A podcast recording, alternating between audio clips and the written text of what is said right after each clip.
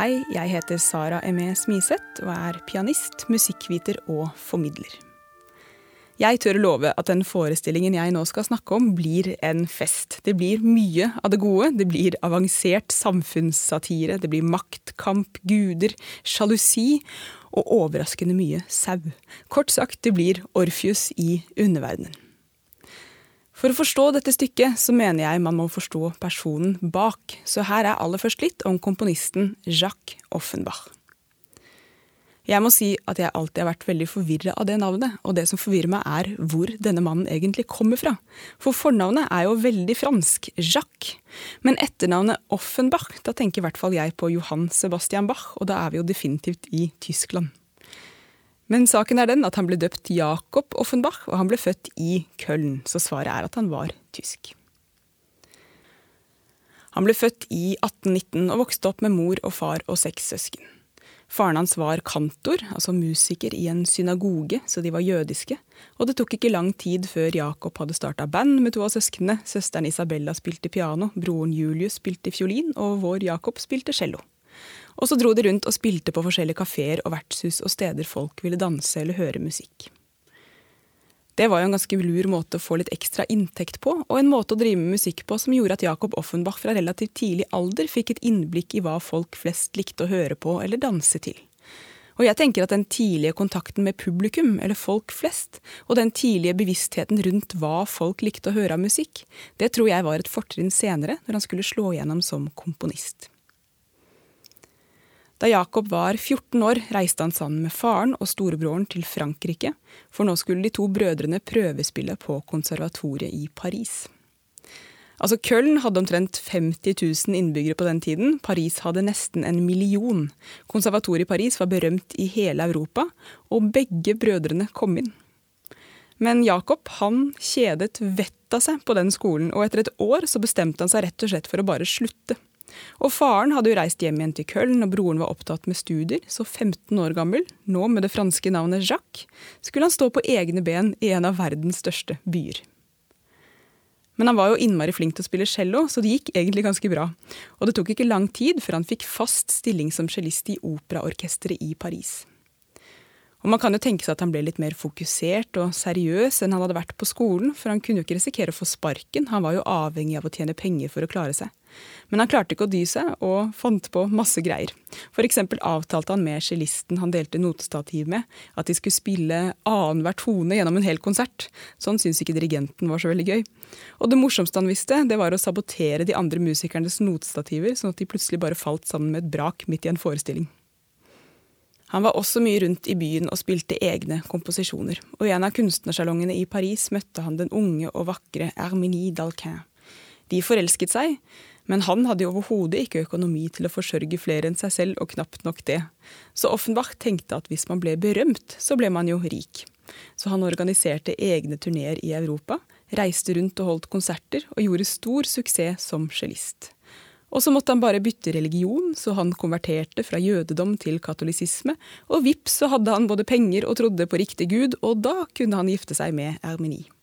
Og de fikk etter hvert fem barn sammen. Men Offenbach ville nå slå igjennom ikke bare som cellist, men også som komponist av operetter, altså komedieoperaer. Hovedscenen for operetter i Paris het Opera Comique. Det var der han ville spille stykkene sine, Problemet var bare at han gikk rundt og gjorde narr av masse seriøse og berømte operakomponister, så operaen var på ingen måte interessert i å vise noen av operettene hans. Men enda en gang fikk han da ta saken i egne hender. Han leide et lite teater på Champs-Élysées. Det var ikke så stort, og lisensen han fikk, tillot bare fire sangere på scenen. Han kunne bare spille enaktere, det var et strengt opplegg, men ut fra de forutsetningene skrev han operetter, og engasjerte sangere og musikere og folk som kunne sy kostymer og snekre kulisser, og satte opp stykkene sine selv. For Offenbach mente at operetter generelt hadde blitt for pompøse, for selvhøytidelige og overdrevne. Han ville skrive operetter som var mer samfunnsaktuelle og som faktisk var morsomme. Og det funka som bare det, publikum strømmet til. For han hadde sett nok ting på en scene som var kjedelig. En stund da han jobbet i orkesteret på et teater, fortalte han til en venn at han måtte lide seg gjennom time etter time, kveld etter kveld, med uendelig lange skuespill med temaer fra gresk mytologi, og han krevde der og da hevn for all den tiden han hadde kastet bort i sitt liv på greske tragedier. Og så var det faktisk gresk mytologi som skulle bli tema for hans store gjennombrudd. For endelig fikk han mast seg til en lisens som gjorde at han kunne fremføre helaftens operetter med tillatelse til å ha så mange sangere på scenen at han kunne ha med et helt kor. Og det var da han tok den greske myten om Orfius Auredike som alle kunne på den tiden, og så lagde han komedie, eller operette, av det. Noen følte seg skikkelig krenka, man kan jo ikke tulle med de greske gudene, den klassiske antikken, og det var noen referanser til daværende keiser i Frankrike, Napoleon 3., og måten han styrte landet på, og det var i hvert fall ikke bra å tulle med. Og i tillegg var det helt tydelig at Offenbach gjorde narr av den berømte og meget seriøse operaen Orfius Euridike av Christoph Willebald Gluck. Den var jo en del av kulturhistorien, den var stor kunst, og det var kanskje det aller verste å tulle med. Men de aller fleste likte den kjempegodt, og da den ble kalt skandaløs og blasfemisk og i det hele tatt i avisene, strømmet det bare enda flere publikummere til. All PR er god PR. Og Offenbach, som egentlig hadde holdt på å kjøre hele det lille teatret sitt i grøfta og gå konkurs fordi han insisterte på å velge de dyreste og mest ekstravagante kostymene og kulissene, han fikk nå penger til å velge så dyre og ekstravagante kostymer og kulisser som han bare ville. To år etter premieren på Orpheus i underverden ble Offenbach endelig invitert til å vise en av operettene sine på Opera Comique i Paris. Og han fortsatte sin suksess og skrev en haug med kule operetter, bl.a. Robinson Crusoe og Reisen til månen, altså en slags science fiction-opera på 1800-tallet. Hvor kult er ikke det? Og så hadde han gjort en god del narr av keiseren Napoleon 3. Men Napoleon så jo disse operettene selv og syntes de var kjempemorsomme. Så han begjæret Offenbach med fransk statsborgerskap, så ble han faktisk fransk til slutt. Og han som bare hadde skrevet komedier hele sitt liv, var nok sikkert redd for å ikke bli tatt seriøst. Men det aller siste han skrev, det var en seriøs opera, Hoffmanns eventyr. Han døde før den var helt ferdig, og fikk dessverre ikke oppleve å se at det faktisk skulle bli hans aller mest spilte verk. Da syns jeg vi trenger et lite mellomspill, nemlig flueduetten fra Orfius i underverden, der Jupiter har kledd seg ut som en flue i forsøk på å forføre Eurodike. Et lite erotisk høydepunkt i kveldens forestilling, får vi si. Vi får høre Magnus Ingemund Kjelstad som Jupiter og Lina Jonsson som Eurodike, og Tobias Ringborg dirigerer operaorkesteret. Fortell meg nå, mitt kjære insekt, kom du inn hit på grunn av meg?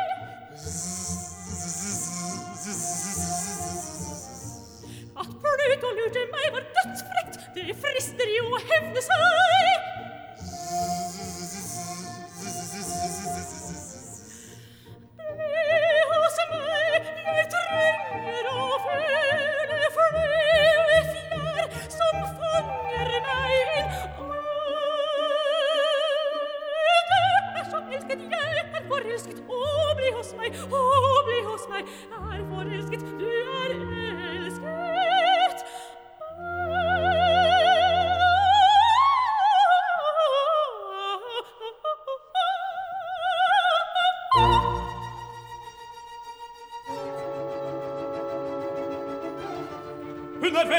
Sånn rett på. Hold opp, jente, slutt å klå.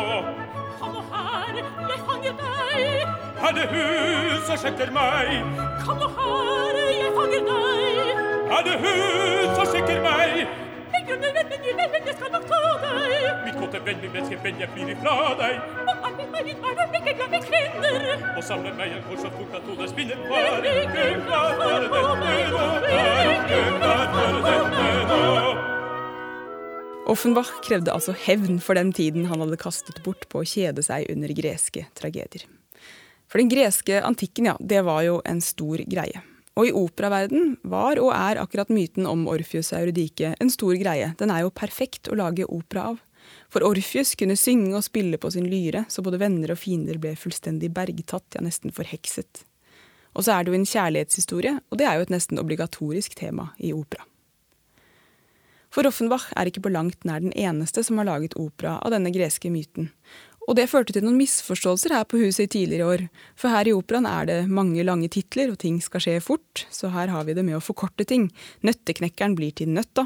Jeg har vel også hørt sangere referere til Madama Butterfly som Bøtta. Men da jeg ble spurt om å holde introduksjonen til bare Orfius, var jeg sikker på at det var Monteverdis Orfius-opera det var snakk om. Mens hun som spurte meg, trodde det var Glucks opera Orfius Eurydike. For listen over Orpheus-operaer er jo milelang. Lully, Rameau, Telemann, Hayden, Debussy, riktignok ufullendt, og Philip Glass, bare for å nevne noen. Og så er det sikkert noen som hører på nå som har stålkontroll på fortellingen om Orfus Eurydike, men for min del satt ikke det helt 100% i allmennkunnskapene, så jeg har lyst til å ta en kjapp gjennomgang av originalfortellingen fra gresk mytologi, for det er jo utgangspunktet for Offenbachs opera. Ok, Orfius han er halvt gud, halvt menneske og kjent for å spille fortryllende vakkert på sin lyre, altså en slags harpe. Og han forelsker seg i den skjønne Eurydike, men en dag hun er i skogen, blir hun bitt av en slange og dør. Men Orfius han reiser etter henne til dødsriket. Vanlige mennesker dør jo hvis de reiser ned til underverdenen, men Orfius er beskyttet av sin guddommelighet og av musikkens kraft.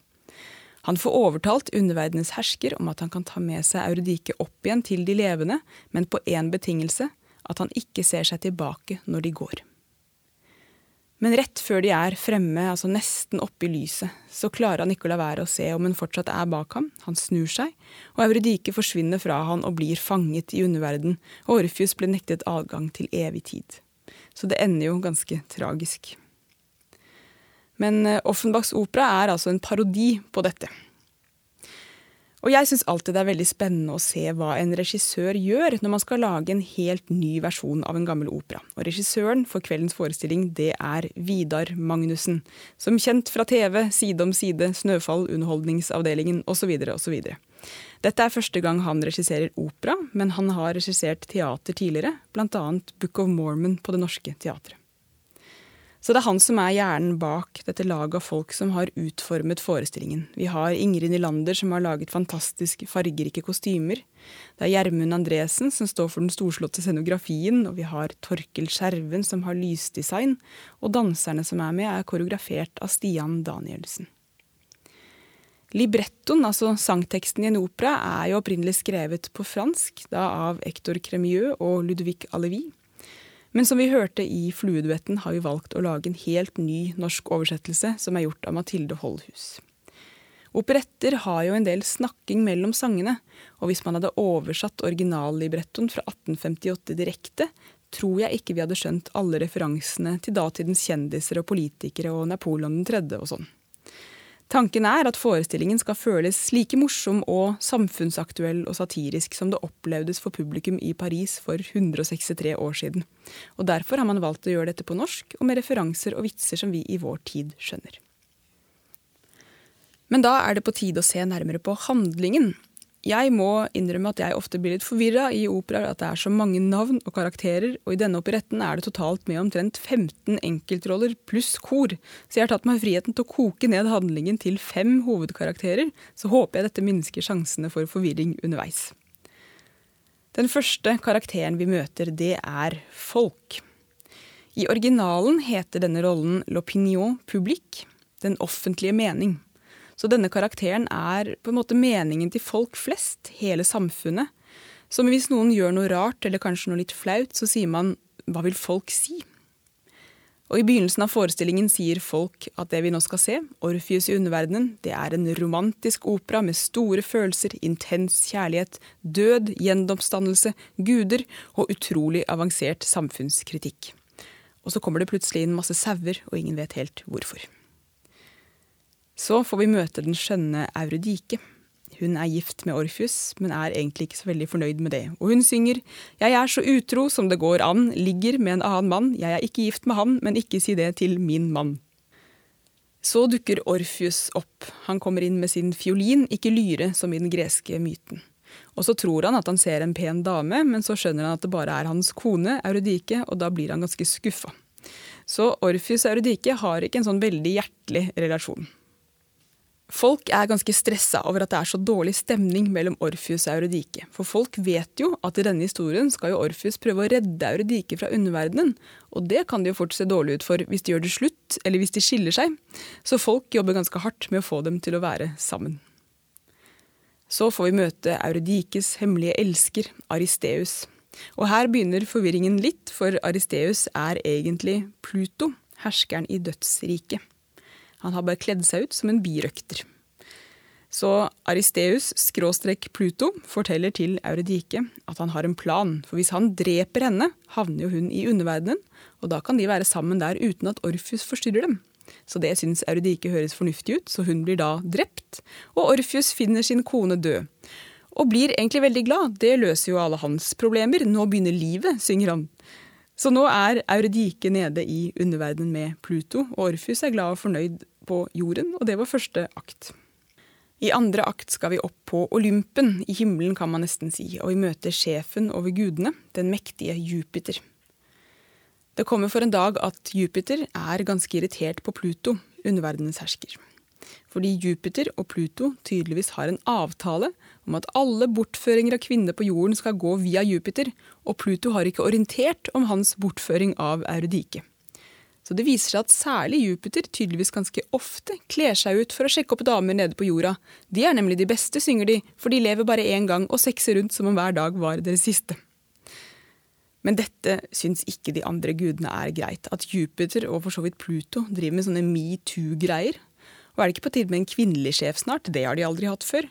Og dessuten, kommer de på, er alle gudene møkk lei av å bare spise sånn klissete gudemat, nektar og ambrosia. Det er jo utrolig kjedelig å bare spise det samme hele tiden, særlig når man er gud og lever evig. Så nå blir det opprør på Olympen. Men Jupiter sier at alle gudene kan få være med ned til underverdenen når han skal ned dit for å se hva som foregår der, og da går gudene med på å sette opprøret litt på vent. I tredje akt er vi nede i underverdenen der Jupiter selvfølgelig også prøver å sjekke opp Eurydike ved å kle seg ut som en flue, som vi har hørt. Jeg tror ikke jeg skal røpe hvordan det ender, om Orfius faktisk gidder å prøve å redde Eurydike fra underverdenen, om Eurydike kanskje velger å gå tilbake til Orfius, eller om hun bestemmer seg for å bli i underverdenen Pluto, eller på Olympen med Jupiter, eller kanskje hun har lyst til å være singel en stund, det skal jeg ikke si noe om. Men det jeg kan si er at hun for en gangs skyld får velge selv hva hun gjør, og det har hun ventet på noen århundrer.